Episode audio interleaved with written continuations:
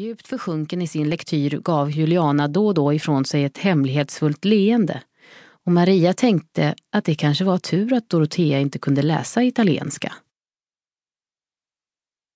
När Juliana sträcktes efter en pralin från den ask som låg öppen på sätet mellan henne och hennes mor fick hon en smäll på fingrarna.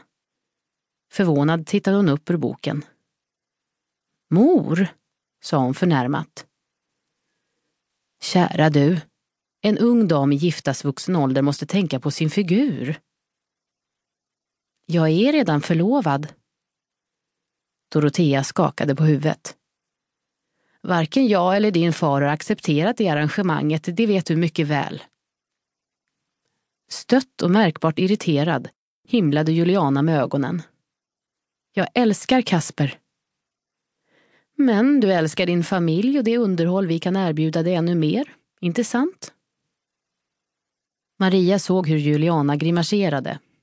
Hon var alldeles för begåvad för att överge alla sina försörjningsmöjligheter för en obemedlad artists skull hur förälskad hon än påstod sig vara.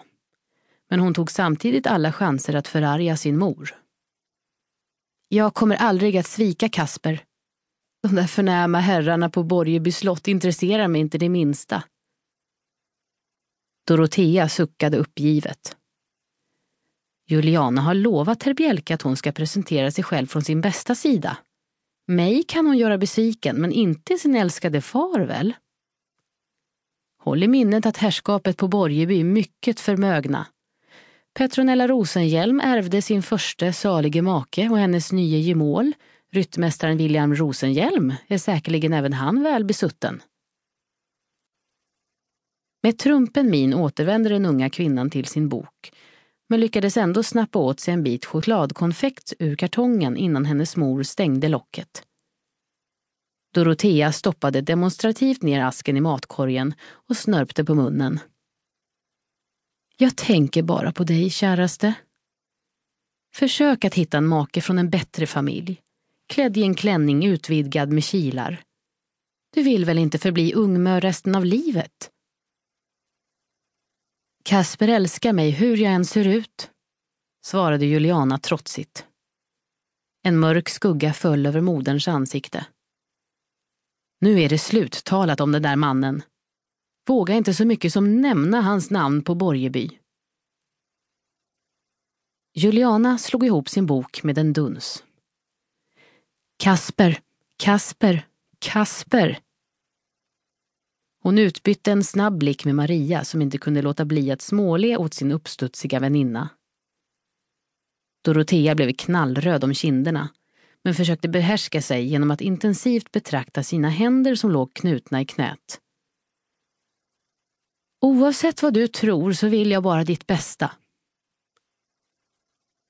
Vad kan vara bättre än att älska och bli älskad? sa Juliana melodramatiskt och snurrade en ljus hårlock runt fingret. Det är svårt att hålla kärleken vid liv om man inte har någon mat på bordet. Dessutom är ju fröken mycket förtjust i vackra tyger, bakverk och ädelstenar. Hur ska du kunna leva utan sådan lyx? Är det inte ännu svårare att leva utan kärlek?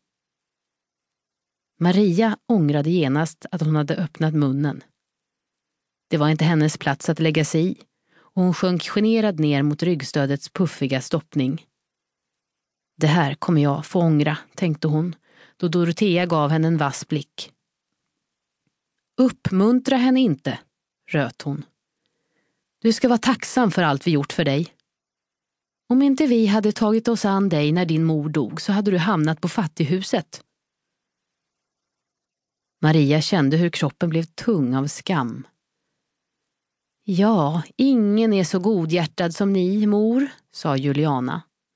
Men Dorotea verkade inte uppfatta hennes syrliga ton. Just precis. Jag har alltid ansett att generositet är en dygd och att vi som är bättre bemedlade har ett ansvar att idka välgörenhet. Men det finns ju gränser, väste hon och sneglade på Maria. Mitt i all uppståndelse svängde vagnen plötsligt av från vägen. Dorotea hade svårt att dölja sin iver. Är vi framme?